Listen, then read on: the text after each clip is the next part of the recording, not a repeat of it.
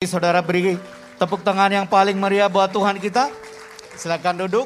Selamat pagi, Shalom, Bapak Ibu. Apa kabar semuanya? Luar biasa. Saudara, kalau hari ini saya bisa berdiri di depan saudara, itu artinya saya sangat bersyukur dan berterima kasih kepada Tuhan. Saudara, saya masih ingat tahun 19, 15 Maret, pas itu adalah hari Minggu. Saya isi ibadah tiga di tempat kami. Setelah selesai, itu saudara pas itu adalah hari ulang tahun saya. Di mana saudara langsung diumumkan mulai minggu depan tidak ada lagi ibadah. Jadi waktu itu saudara namanya tidak ada streaming, tidak ada yang namanya Zoom. Langsung saudara, tidak ada ibadah. Coba bayangkan Bapak itu semua, itu kita semua saudara kalah kabut mau diapain, apain, apain gitu. Tapi saudara hari ini saudara saya sangat bersyukur Tuhan mempercayakan banyak hal di tengah-tengah kita. Amin. Hari ini Bapak Ibu saya bisa berdiri di tengah-tengah saudara, saya bisa bernafas dengan baik. Itu artinya saudara saya sangat-sangat berterima kasih kepada Tuhan. Ada teman-teman saya, rekan saya, teman sepelayanan saya, kurang lebih saudara 28 orang. Sudah mendahului saya pulang ke rumah Bapak. Hari ini Bapak Ibu saya mau katakan, saudara memang namanya virus itu ada. Apalagi saudara sekarang saudara, di zaman sekarang ini namanya saudara yang sesuatu yang baru membuat banyak orang takut. Nah saya tidak ingin berbicara mengenai hal itu. Tapi saudara pada pagi hari ini saya ingin berbicara ada enam hal yang perlu kita jaga dalam hidup kita. Saya yakin sekali saudara minggu yang lalu Bapak Ibu sudah mendapatkan pesan firman Tuhan lewat Bapak Gembala bahwa bergairah karena kita memiliki tujuan Tuhan. Amin. Saudara dan saya hari ini saya bisa bergairah bukan karena saudara saya hebat, bukan karena saudara saya pintar, bukan karena saya secara fisikali oke. Okay. Itu saudara semua adalah anugerah dan bonus Hari ini saya bisa berdiri di depan saudara, itu artinya sebuah anugerah, sebuah kesempatan Tuhan mempercayakan dalam hidup saya, saya boleh berjumpa dengan saudara. Nah untuk itu saudara pada pagi hari ini ada banyak hal yang kita perlu jaga dalam hidup kita. Tapi selama dua tahun ketika saudara saya ada di rumah hampir enam bulan lebih saya nggak pernah keluar. Baru saudara setelah enam bulan baru mulai keluar. Nah apa yang terjadi dalam hidup saya itu yang saya mau bagikan buat saudara. Supaya Bapak, Ibu, Saudara, dan saya, kita perlu betul-betul saudara jaga area-area ini dalam kehidupan kita. Supaya saudara dan saya tidak jatuh ke dalam dosa. Bahkan jauh dari Tuhan. Nah salah satu contohnya Bapak Ibu nanti baca aja di rumah. Dua Raja-Raja pasal yang kelima itu ada sebuah kisah yang menarik sekali mengenai Gehasi. Saudara Yelisa mendapatkan urapan dua kali lipat. Gehasi seharusnya saudara menurut saya dia harus mendapatkan berkatnya itu sorry urapannya itu empat kali lipat. Tapi saudara apa yang dikatakan di dalam dua raja-raja pasal 5 nanti Bapak Ibu baca aja di rumah. Dikatakan begini saudara, dia melakukan saudara ada banyak kesalahan dalam hidupnya. Ada beberapa hal yang dia tidak jaga dalam hidupnya. Dia sebagai seorang nabi, dia seorang abdi Allah. Akhirnya saudara dikatakan begini, keturunannya mendapatkan kutuk kusta sampai saudara anak cucunya. Jadi Bapak Ibu nanti boleh baca aja hal-hal itu di dalam dua raja-raja raja pasal yang kelima. Gehasi saudara mendapatkan sebuah kutuk yang luar biasa karena kenapa? Dia tidak menjaga beberapa hal dalam hidupnya. Oleh karena itu pada pagi hari ini saya ingin berbicara ada enam hal yang kita perlu jaga dalam kehidupan kita sehari-hari. Supaya saudara dan saya itu dekat dengan Tuhan dan tidak jatuh ke dalam dosa. Yang pertama saudara, kalau kamu sendirian, jaga pikiran saudara. Yang pertama saudara, kalau kamu sendirian, jaga pikiran. Mazmur 139 ayat 24 dan 23 dan 24 saya ingin bacakan buat kita semua. Selidikilah aku ya Allah dan kenalilah hatiku. Ujilah aku dan kenalilah apa saudara? pikiran-pikiranku. Lihatlah apakah jalanku serong dan tuntunlah aku di jalan yang kekal. Hal yang pertama yang kita perlu jaga dalam kehidupan kita, kalau kamu sendirian, jaga pikiranmu. Pada waktu saudara dan saya tidak memiliki perbendaharaan firman Tuhan di dalam pikiran kita, pikiran kita saudara bisa menuntun saudara dan saya ke arah hal-hal yang tidak bertanggung jawab. Maka itu saudara kita perlu saudara menyimpan berpendaharaan firman Tuhan di dalam pikiran kita. Karena saudara pikiran itu sulit dikontrol. Lihat sebelah wajah sebelah kanan kiri pikirannya sulit dikontrol enggak? Pikirannya saudara sulit dikontrol karena kenapa? Pikiran ini saudara liar. Tidak bisa dikontrol oleh saudara diri sendiri. Kecuali hanya firman Tuhan yang bisa mengontrol pikiran kita. Maka itu coba hari ini saudara banyak orang ketika saudara dia udah mulai memikirkannya apa? Tentang hal porno, hal-hal yang jahat, hal-hal yang negatif. Oleh karena itu saudara kalau kamu sendirian, jaga pikiranmu. Firman Tuhan katakan, kenalilah pikiranku. Saudara waktu kita mulai kena COVID, awal Maret, April, Mei, sampai enam bulan saudara, saya nggak bisa keluar gang-gang semua itu ditutup. Kerjaan saya apa saudara? Tiap hari nonton film. Semua yang ada di Netflix, film Korea semua saya nonton. Lalu saudara mau ke mana? Begitu saudara melek mata, saudara nggak apa yang saya harus lakukan? Saya tidak tahu saudara. Tapi saudara saya sangat-sangat saudara bersyukur saya punya komunitas. Di mana saudara mereka langsung berkata, Pak Jono mari kita akan membuka yaitu daily devotion. Setiap hari saudara, sampai hari ini kita lakukan daily devotion dari jam 6 sampai 7 pagi. Dan juga saudara ada sharing live jam 1 siang dengan berapa teman. Itu menolong saya supaya saudara pikiran saya itu dijaga. Maka itu saudara hari ini saya mau katakan kepada Bapak Ibu, pikiran itu bisa mempengaruhi kesehatan kita Pikiran itu bisa mempengaruhi kehidupan saudara. Pikiran itu bisa mempengaruhi kerohanian saudara dan saya. Oleh karena itu hal yang pertama yang kita perlu jaga. Kalau kamu sendirian, jaga pikiranmu. Tanya sebelah kananmu, kirimu, kamu sendiri mikirin apa sih? Kalau kita saudara tidak ada perpendaharaan firman Tuhan di sini, saya jamin saudara pikiran kita itu akan jadi liar memikirkan hal-hal yang negatif. Begitu Bapak Ibu bangun pagi, apa yang Bapak Ibu pikirkan dalam hidupmu? Apakah saudara begitu bangun pagi engkau melihat seluruh saudara yang ada di handphonemu, entah itu dari sosial media, dari WhatsApp, Instagram, semuanya itu. Ataukah saudara yang kau mengambil waktu dan berkata Tuhan saya Hari ini kalau bisa bangun saya bersyukur kepada engkau Tuhan. Saudara hari ini saya mau katakan kepada Bapak Ibu. Segala sesuatu yang dibiarkan akan cenderung menurun. Saya ulang lagi kalimat ini. Segala sesuatu saudara yang dibiarkan cenderung menurun. Entah itu bisnis kita, entah itu kerohanian kita, entah itu hubungan kita. Kalau kita dibiarkan saudara itu cenderung menurun oleh karena itu saudara jangan membiarkan pandemi ini membuat kita yaitu saudara berhenti melakukan hal-hal yang produktif dan positif. Saudara saya percaya pandemic will endemic very soon. Halo?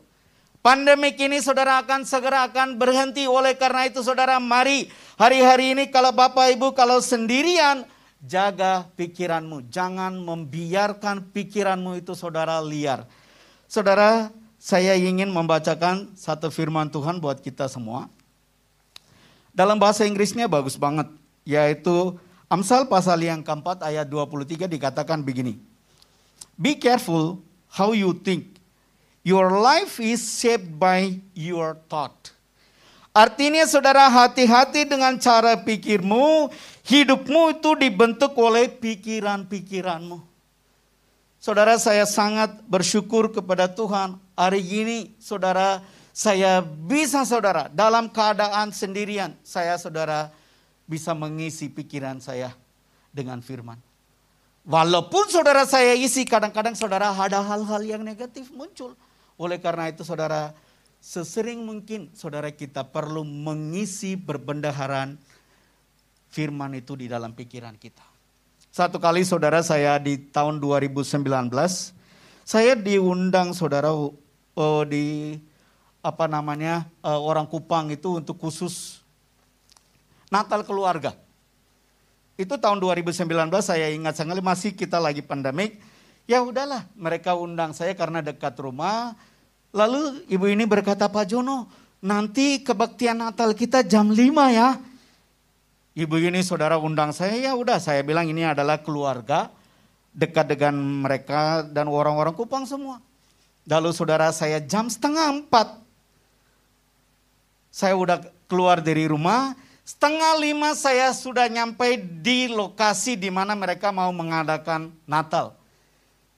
Jam lima nggak ada orang saudara. Coba bayangkan saya diundangnya jam berapa? Jam 5 yaitu kita adakan kebaktian Natal. Jam 5 nggak ada orang. Setengah 6 nggak ada lagi saudara. Jam 6 pikiran saya saudara udah mulai kacau. Saya berkata begini, kalau saya ketemu ibu gini, pasti saya mau semprotin gitu. Dan tiba-tiba saudara pada waktu pikiran saya sudah mulai kacau, firman Tuhan mengingatkan kepada saya, kenalilah pikiranku. Artinya saudara pada waktu saya mulai, udah mulai pikiran saya kacau, langsung saudara saya berdoanya begini, Tuhan kuasai pikiran perasaanku. Supaya saya tidak ketemu ibu yang undang saya sebelum saya khotbah. Karena saya udah saudara emosinya itu luar biasa. Jam 7 nggak ada orang datang juga saudara. Jam 7.15 baru nongol. Satu, dua, jam setengah delapan baru mulai kebaktian. Saudara di tengah-tengah situasi ini saya berdoa dan meminta kepada Tuhan, Tuhan kuasailah pikiran dan perasaanku. Kalau Tuhan tidak menguasai pikiran dan perasaanku, ibu yang undang saya itu itu pasti saudara saya semprot habis itu. Hal yang pertama, Bapak Ibu Saudara, kalau kamu sendirian jaga pikiranmu. Masalah ada, problem ada, persoalan ada, kesulitan ada. Hal yang pertama yang perlu kita jaga, kalau kamu sendirian, jaga pikiranmu. Yang kedua, kalau kamu sama teman, jaga lidahmu.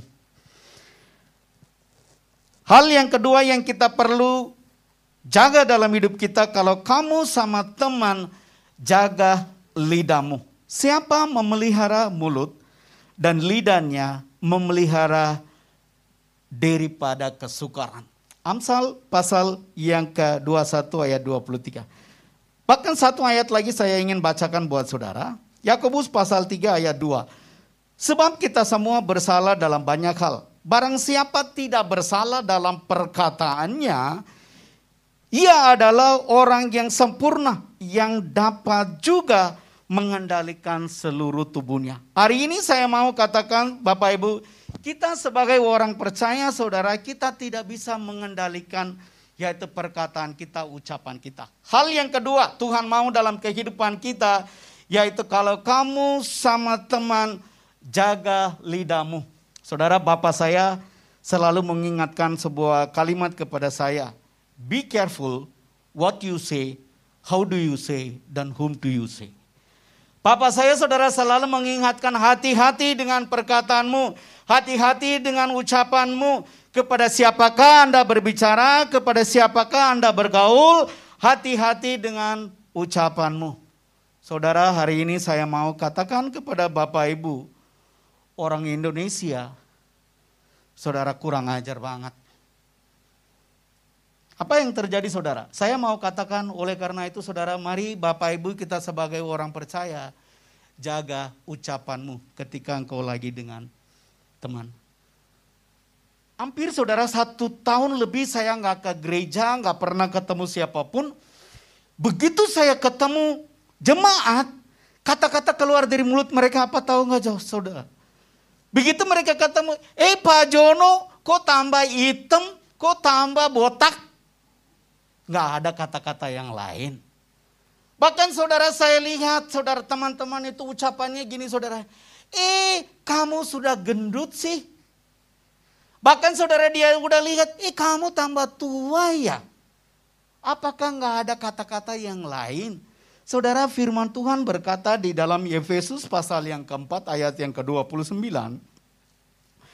Janganlah ada perkataan kotor yang keluar dari mulutmu. Efesus pasal 4 ayat 29.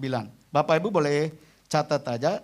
Janganlah ada perkataan kotor yang keluar dari mulutmu, tetapi pakailah perkataan yang baik untuk membangun di mana perlu supaya mereka yang mendengarnya beroleh kasih karunia. Perkataan kita itu saudara menentukan siapakah diri kita. Maka itu saudara pada waktu engkau lagi ketemu dengan teman-teman, jaga perkataanmu, jaga lidahmu. Kalau dia lagi gemuk, saudara jangan bilang gendut. Kok kamu sekarang udah seksi benar ya? Saudara perkataan kita itu harus membangun. Mari saudara jaga perkataanmu dan ucapanmu. Dari ucapanmu, dari perkataanmu, engkau meletakkan penghargaan kepada orang lain.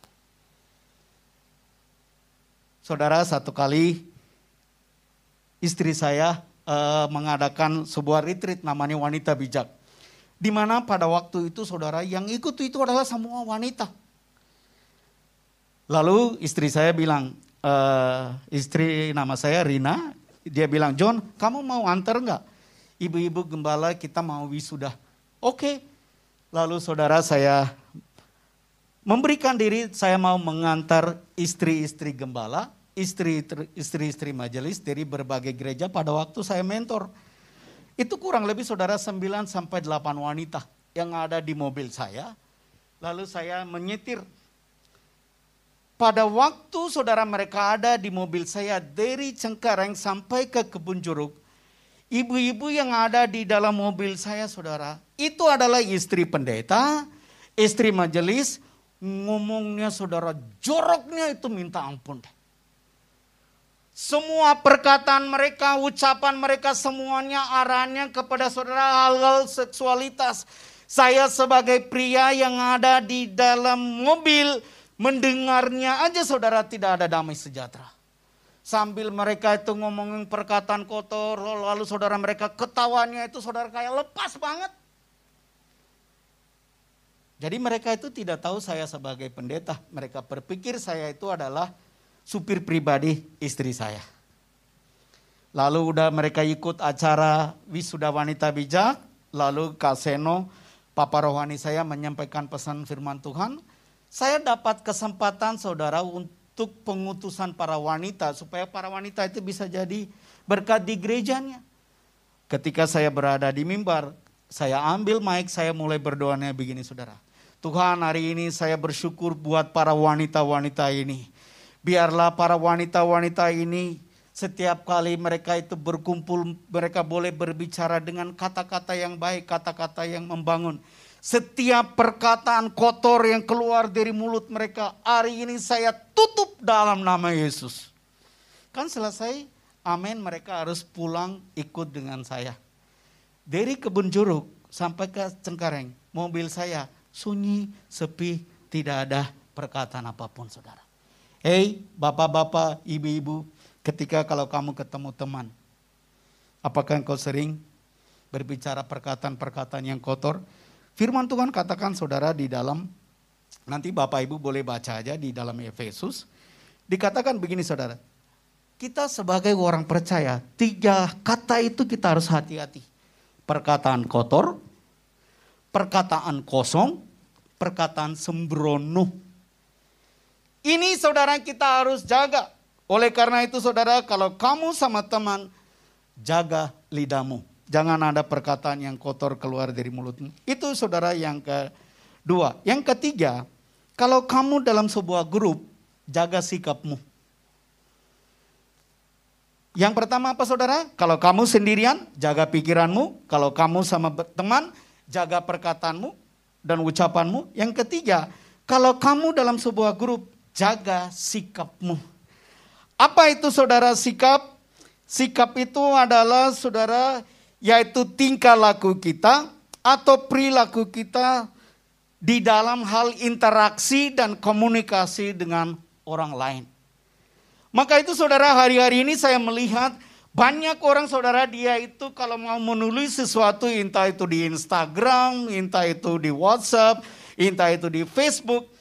Apa aja saudara dia itu bisa mengeluarkan kata-katanya, yaitu perkataannya, yaitu tingkah lakunya itu saudara di dalam sosial media.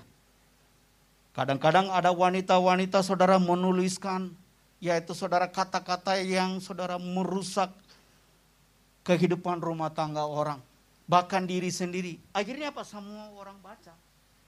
Saudara, saya mau katakan kepada Bapak Ibu, saya sangat suka sekali dengan statementnya John Maxwell. John Maxwell pernah berkata begini, People may hear your words, but they feel your attitude. Artinya saudara saya mau katakan, ketika orang lain terganggu, tersinggung dengan tingkah laku kita, perilaku kita, saudara dan saya sudah menjadi batu sandungan.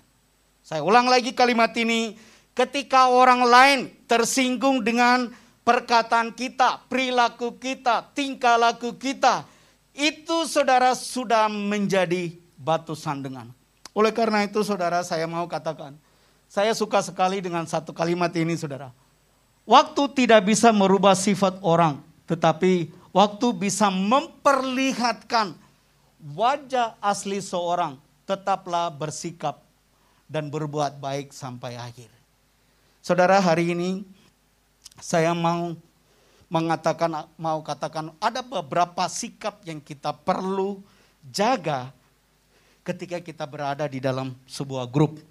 Entah itu saudara diajak makan oleh orang, entah itu bosmu, pendetamu, keluargamu, kita harus jaga sebuah sikap. Maka itu saudara saya mau menyampaikan ada beberapa hal, berapa sikap yang kita betul-betul perlu jaga ketika saudara dan saya berada di dalam sebuah grup. Berapa banyak Bapak Ibu punya grup keluarga? Tolong lambaikan tangan. Oke. Saudara, bahkan saudara saya ada berapa contoh aja. Ini akan menolong saudara supaya jangan melakukan apa yang saya lakukan dalam hidup saya. Yang pertama saudara, ada berapa sikap yang saya mau sampaikan. Pada waktu Bapak Ibu diundang makan oleh bosmu, pendetamu, keluargamu, atau anggota komselmu, anggota doamu, siapa pun saudara, kalau mengundang makan, mari saudara kita perlu jaga sikap kita yang undang makan, saudara, sebelum dia pesan, jangan pernah Bapak Ibu pesan duluan. Kalau yang pesan duluan harus bayar. Maka itu saudara, saya satu kali, ini adalah pengalaman pribadi saya mau share kepada Bapak Ibu. Saya saudara diingatkan, ditegur oleh beberapa teman ketika ada berapa sikap perilaku saudara pada waktu saya pergi makan. Kalau misalnya saudara orang mengundang saudara makan, kalau dia pesan saudara soto ayam, saudara jangan pesannya itu adalah sup buntut. Jadi kalau dia pesannya itu adalah yang mengundang saudara pesannya itu adalah soto ayam, jadi harganya itu adalah 20 ribu, jangan pernah saudara pesan saudara di atasnya dia. Kadang-kadang kan kalau ketika kita diundang makan, lalu saudara kita, kamu mau, saudara sebetulnya dia punya hati yang baik. Dia ingin membangun hubungan dengan kita, dia ingin berkomunikasi dengan kita. Ketika dia udah mulai menawarkan makanan, Bapak mau makan apa? Kita harus jawabnya apa saudara? Ikut saja. Oke, saya mau ajak Bapak Ibu kita akan praktek kali ini. Bapak Ibu mau makan apa? Ikut saja. Kadang-kadang saudara, kita punya saudara attitude, sikap terhadap hal itu saudara. Pernah nggak Bapak Ibu ketika kalau kita makan di rumah, setiap hari Bapak Ibu pada waktu makan minum orange juice? Nggak ada kan? Kalau kadang-kadang orang mengundang kita, kecuali dia menawarkan saudara, Pak di sini ada minumannya yang bagus loh, Bapak mau minum nggak? Baru saudara kita harus pesan. Apalagi saudara saya sebagai pemimpin, satu kali saudara saya pernah ditegur oleh seorang ibu gembala. Pada waktu saya melayani di sebuah gereja di Semarang, saya bilang sama pegawainya, Ibu, saya tidak mau minum jus, saya mau minum air putih. Air putih, saudara, yaitu botolnya kaca, hati-hati. Itu pengalaman hidup saya, saya nggak akan pernah lupa seumur hidup saudara. Lalu pegawainya itu datang, Bapak mau minum apa? Saya mau minum air putih aja. Pak, di sini kita nggak ada aqua loh. Pokoknya deh, saya mau air putih aja. Tahu nggak saudara, dia bawa minuman apa? Dia bawa minuman saudara Equil. Equil harganya berapa? 62 ribu. Plus pajak, tax, itu bayarnya 72 ribu saudara. Coba bayangkan Bapak Ibu, lebih baik saya bisa pesan apa? Orange juice atau saudara es teh manis. Tapi begitu saya pulang ibu gembala itu ngomongnya sama saya, Pak Jono tahu nggak Bapak minum air putih itu harganya berapa? 72 ribu. Kalau Bapak beli minuman yaitu aqua segalon sampai minum muntah-muntah, nggak ada orang yang komplain. Saudara, sikap kita kalau ketika Bapak Ibu berada di dalam sebuah grup, jaga sikapmu. Saudara, saya mau mengakhiri dengan hal ini. Ada seorang bernama Neil McDonough. Kalau Bapak Ibu menonton film Captain America, atau saudara yaitu namanya Majority Report, saya pernah nonton dua-duanya. Ada seorang bernama Neil McDonough. Satu kali saudara dia itu ditawarkan mengadakan, maaf kata, adegan seks dengan seorang wanita bernama Virginia Madison. Wanita ini adalah wanita yang cantik, tapi saudara apa yang dikatakan oleh yaitu Neil McDonough karena dia punya sebuah sikap terhadap dirinya sendiri. Dia berkata begini saudara, I put God and family first. Lalu dia berkata saudara Bapak Ibu nanti kalau mau lihat berita ini sudah ada di CBN News. Lalu saudara dia berkata begini saudara, saya tidak mau mengadakan adegan seks dengan seorang wanita yang namanya Virginia Madison Sebab ketika kalau saya melakukan, saya itu berdosa kepada anak-anak saya dan kepada istri saya. Saya memiliki seorang istri yang cantik, saya memiliki lima orang anak. Ketika saya mengadakan adegan seks dengan seorang wanita yang namanya Virginia, anak saya melihat, oh papa saya melakukan, saya juga mau melakukannya. Tapi apa yang dilakukan saudara? Neil McDonald, dia berkata, saya tidak mau melakukannya. Saya takut sama Tuhan, saya itu menghormati istri dan anak saya. Dia memiliki sebuah sikap yang luar biasa Bapak Ibu. Dan apa yang dikatakan saudara, dan hari itu saudara dia langsung diputuskan hubungan dengan aktor Bollywood. Nanti Bapak Ibu boleh baca kisahnya itu saudara sangat-sangat memberkati hidup saya. Karena kenapa? Dia itu adalah pribadi yang menjadi contoh di dalam sebuah grup di dalam aktor-aktor yang ada di Amerika. Yang pertama, kalau Bapak Ibu sendirian, jaga pikiranmu. Yang kedua, yaitu kalau kamu bersama teman, jaga perkataanmu dan ucapanmu. Yang ketiga, kalau kamu dalam sebuah grup, jaga sikapmu. Dan yang keempat adalah kalau kamu marah, jaga emosimu. Mazmur 107 sorry, maksud saya Mazmur 37 ayat yang ke-8. Berhentilah marah dan tinggalkan panas hati itu. Jangan marah, itu hanya membawa kepada kejahatan. Yang keempat, kalau kamu marah, jaga emosimu. Hari-hari ini saudara saya melihat ketika Bapak Ibu berada di rumah, banyak hal membuat saudari kita bisa konflik. Banyak hal yang membuat kita gampang kita bisa emosi. Maka itu firman Tuhan berkata kepada kita semua, janganlah lekas-lekas marah dalam hati, karena amarah menetap dalam dada orang bodoh.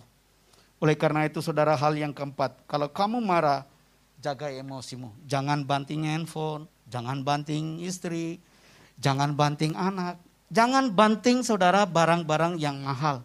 Bahkan kalau mau menendang hal-hal tertentu, jangan nendang anak, jangan menendang istri. Tendang aja saudara, cari besi yang segede gini, tendang aja sekuat mungkin saudara. Supaya saudara melepaskan yaitu amarahmu terhadap besi bukan kepada benda-benda yang hidup di rumah. Oke, yang kelima adalah yaitu Bapak Ibu, kalau kamu lagi masalah, jaga hatimu. Yang pertama, yaitu kalau kamu sendirian, jaga pikiranmu. Yang kedua, kalau kamu sama teman, yaitu jaga perkataanmu dan ucapanmu. Kalau kamu berada di sebuah grup, jaga sikapmu. Yang keempat, kalau kamu lagi marah, jaga emosimu. Yang kelima, kalau kamu dalam masalah, jaga hatimu. Ayat yang cukup terkenal banget, Amsal pasal 4 ayat 23. Jagalah hatimu dengan segala kewaspadaan, karena dari situlah terpancar kehidupan. Bapak, Ibu, Saudara, saya sebelum saya mau menyampaikan hal ini, saya mau katakan, saya mau menjelaskan terlebih dahulu apa itu hati. Dalam bahasa Ibrani, kata hati itu adalah lab. Dari kata lab itulah muncul namanya laboratorium. Yaitu saudara lab itu adalah sebuah wadah yang ada di dalam diri kita atau bahasa Inggrisnya itu disebut saudara inner man moral characters. Di mana saudara di wadah ini ada pikiran dan perasaan dan kehendak disebutnya soul atau jiwa. Kata lab ini saudara artinya ketika pikiranmu kotor, hatimu kotor. Ketika perasaanmu kotor, hatimu ikut kotor. Ketika saudara yaitu kehendakmu itu kotor, demikian juga yaitu hatimu itu menjadi kotor. Oleh karena itu saudara hari ini saya mau katakan dalam bahasa Inggrisnya katakan begini saudara. Jagalah hatimu dengan apa? Segala kewaspadaan. Kalau kamu dalam masalah, jaga hatimu. Pernah nggak Bapak Ibu kalau tempat-tempat yang mahal itu dijaga oleh satpam, bodyguard maupun saudara pasukan. Demikian juga saudara hati kita itu perlu dijaga, perlu taruh satpam saudara. Perlu taruh pasukan di sini supaya dia bisa jaga. Tidak masuk saudara ada hal-hal yang aneh yang merusak hidup kita. Ataukah Bapak Ibu pernah melihat nggak? Di tempat pembuangan sampah, ada nggak ABRI atau polisi atau saudara satpam yang menjaga di tempat pembuangan sampah. Tidak ada. Tempat-tempat di mana saudara kita menyimpan tempat yang berharga selalu dijaga. Kalau Bapak Ibu pergi ke luar negeri, saya masih ingat pada waktu saya berada di Filipina, setiap bank itu saudara dijaga oleh tentara. Demikian juga di Indonesia, kalau Bapak Ibu pergi ke pas lagi exchanging dengan apa namanya disebut di transfer di mesin ATM selalu dijaga saudara. Demikian juga dalam hidup kita. Mari Bapak Ibu, kalau kamu dalam masalah, jaga hatimu. Jangan membiarkan saudara pikiran itu saudara merusak hidup kita. Yang pertama, kalau kamu sendirian, jaga pikiranmu. Yang kedua apa? Kalau kamu bersama teman, jaga perkataanmu dan ucapanmu. Yang ketiga, kalau kamu berada di sebuah grup, jaga sikapmu. Yang keempat, kalau kamu lagi marah, jaga emosimu. Yang kelima, kalau kamu dalam masalah, jaga hatimu. Yang terakhir, kalau kamu diberkati Tuhan atau mendapatkan banyak rezeki, jaga egomu. Hal yang keenam, kalau kamu diberkati Tuhan, kamu diberikan banyak rezeki, jaga egomu. Saya mau membacakan firman Tuhan. Saya minta worship leader, mari mempersiapkan diri. Amsal pasal 11 ayat yang ke-28 dengan terjemahan firman Allah yang hidup, saya mau bacakan buat kita semua. Orang yang mempercayakan dirinya kepada uangnya akan celaka. Orang yang mempercayakan diri kepada Allah akan tumbuh seperti pohon yang subur. Artinya saudara, saya tidak berkata bahwa kita tidak perlu uang. Pernahkah Bapak Ibu mendengar istilah yang namanya OKB? Orang kaya baru. Egonya itu saudara tinggi banget, sombongnya itu luar biasa. Dulunya saudara dia tidak punya apa-apa, begitu dia mendadak dia jadi kaya, dia itu sombong, lalu saudara dia mulai menunjukkan bahwa dia itu adalah diri dulunya itu berpakaian yang bermerek. Maka itu saudara hari ini saya mau katakan kepada Bapak Ibu, ada banyak hal yang kita perlu jaga dalam hidup kita. Dan yang terakhir, kalau kamu diberkati Tuhan, diberi banyak rejeki. Jaga egomu. Hari ini Bapak Ibu Saudara dan saya bisa menikmati segala sesuatu itu adalah pemberian Tuhan. Saya berdoa biarlah Bapak Ibu enam hal ini kita boleh pikirkan dan renungkan dalam kehidupan kita. Yang pertama apa? Halo? Kalau kamu sendirian, jaga pikiranmu. Kalau kamu sama teman, jaga perkataanmu dan ucapanmu. Yang ketiga, kalau kamu sebuah grup, jaga sikapmu. Yang keempat, kalau kamu lagi marah, jaga emosimu. Yang kelima, kalau Bapak Ibu lagi ada masalah, kamu lagi masalah, jaga hatimu. Yang keenam, kalau kamu diberkati Tuhan, jaga egomu. Mari kita bangkit berdiri. Kita berdoa bersama-sama.